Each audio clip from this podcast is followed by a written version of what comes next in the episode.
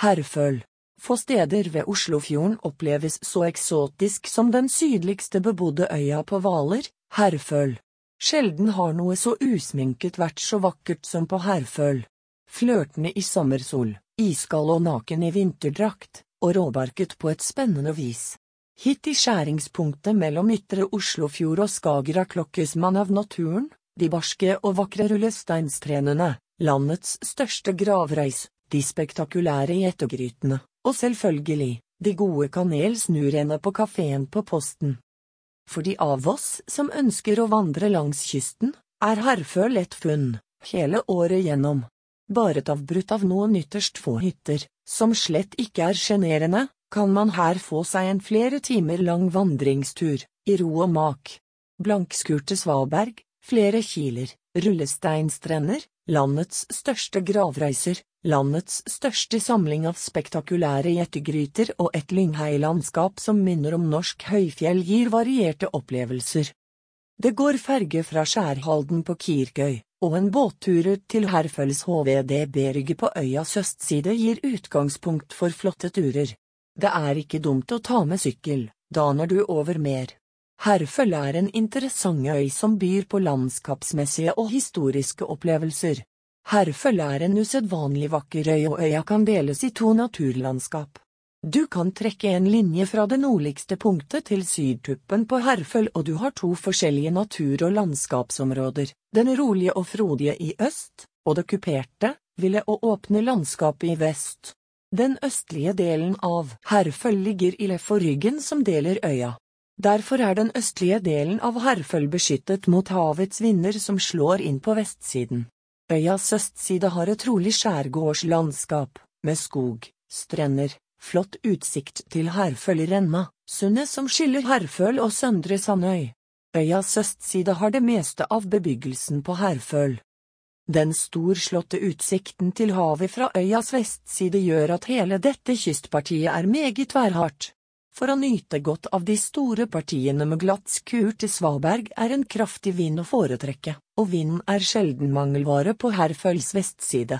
Hele året, men vær varsom hvor du tråkker ved snødekket, er det en eneste stor naturopplevelse å gå tur her i sterk sønna eller vestavind. På vakre sommerdager er det en nytelse å slikke sol fra de mange svaberghyllene i sørvest som fungerer som tribuneplass med havet som scene. Berghyllene egner seg også godt å bade fra, eller som trygg grunn for ivrige stangfiskere. Øyas nettverk av stier er bemerkelsesverdig godt skilte. I åpne landskap, som på svabergene og i de store lyngområdene, er det ingen skilt som forteller deg veien, men enkelte malte merker på steiner gjør det. Og om du beveger deg utenfor stiene, så finner du nok enkelt frem uansett på grunn av det åpne landskapet, samt at det setter jo bare litt krydder til turen å havne utenfor allfarvei. Landets største gravreiser Herfølsåta en stor gravrøys fra bronsealderen som kan ses langt fra havs. Gravrøyset ligger som seg bør med flott utsikt i alle retninger. Herføl er sagaøya i Hvaler og Østfold. Navnet Herføl, på gammelnorsk herfili, betyr samlingssted for hæren. Alt i bronsealder og sagatid var øya et sentralt sted. Alle bronsealderrøysene tyder på det.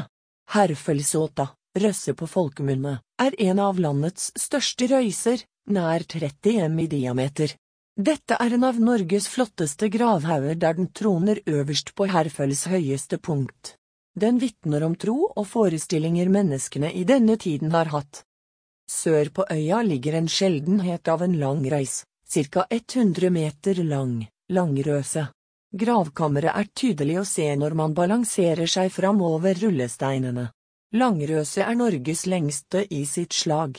Både Herfølsåta og Langrøse forteller om regionens fascinerende bronsealderhistorie og imponerer med sin alder på godt over 3000 år.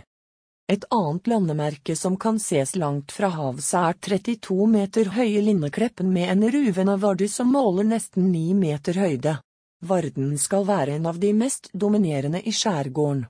Lindekleppen ligger sydvest på øya og en tur opp til Varden belønner deg med fantastisk utsikt over horisonten til Skagerrak og Sverige med Kosterøyene. Det er lett å forstå at mange seilende benytter Varden som innseilingsmerke til Hvaler-arkipelet. Fra Linnekleppen kan du fortsette turen sydover over svabergene mot katedralen, den store gjettegryten med form som et gotisk kirkevindu. Ved katedralen er det et fantastisk landskap av svaberg. Nyt svabergenes alle former som istiden har skapt.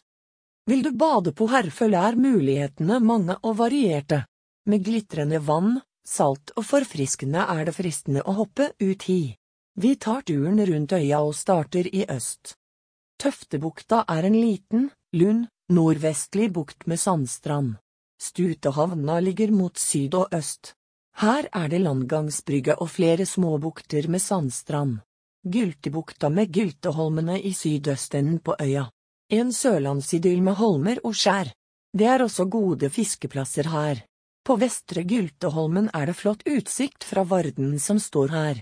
Her står monogrammet til svenskekongen Oskar II og årstallet 1904, året før Norge gikk ut av unionen med Sverige. Stormåna har en lang sandstrand med fint bakland, den begrenses på begge sider av skjermende svaberg. Grønnebaugen ligger i vest på øya, litt nordvest for Linnekleppen. Grønnebaugen er skjermet mot sydvest og har en fin sandstrand. Vest for Grønnebaugen ligger svabergparadiset Svanetangen som er favorittstedet for mange av sommergjestene på Herføl. Mange gjettegryter finnes her i veldig uvanlige former, nærmest skulpturelle. Kaffebukta ligger bare 500 meter nord for Grønnebaugen og er en liten idyllisk plass.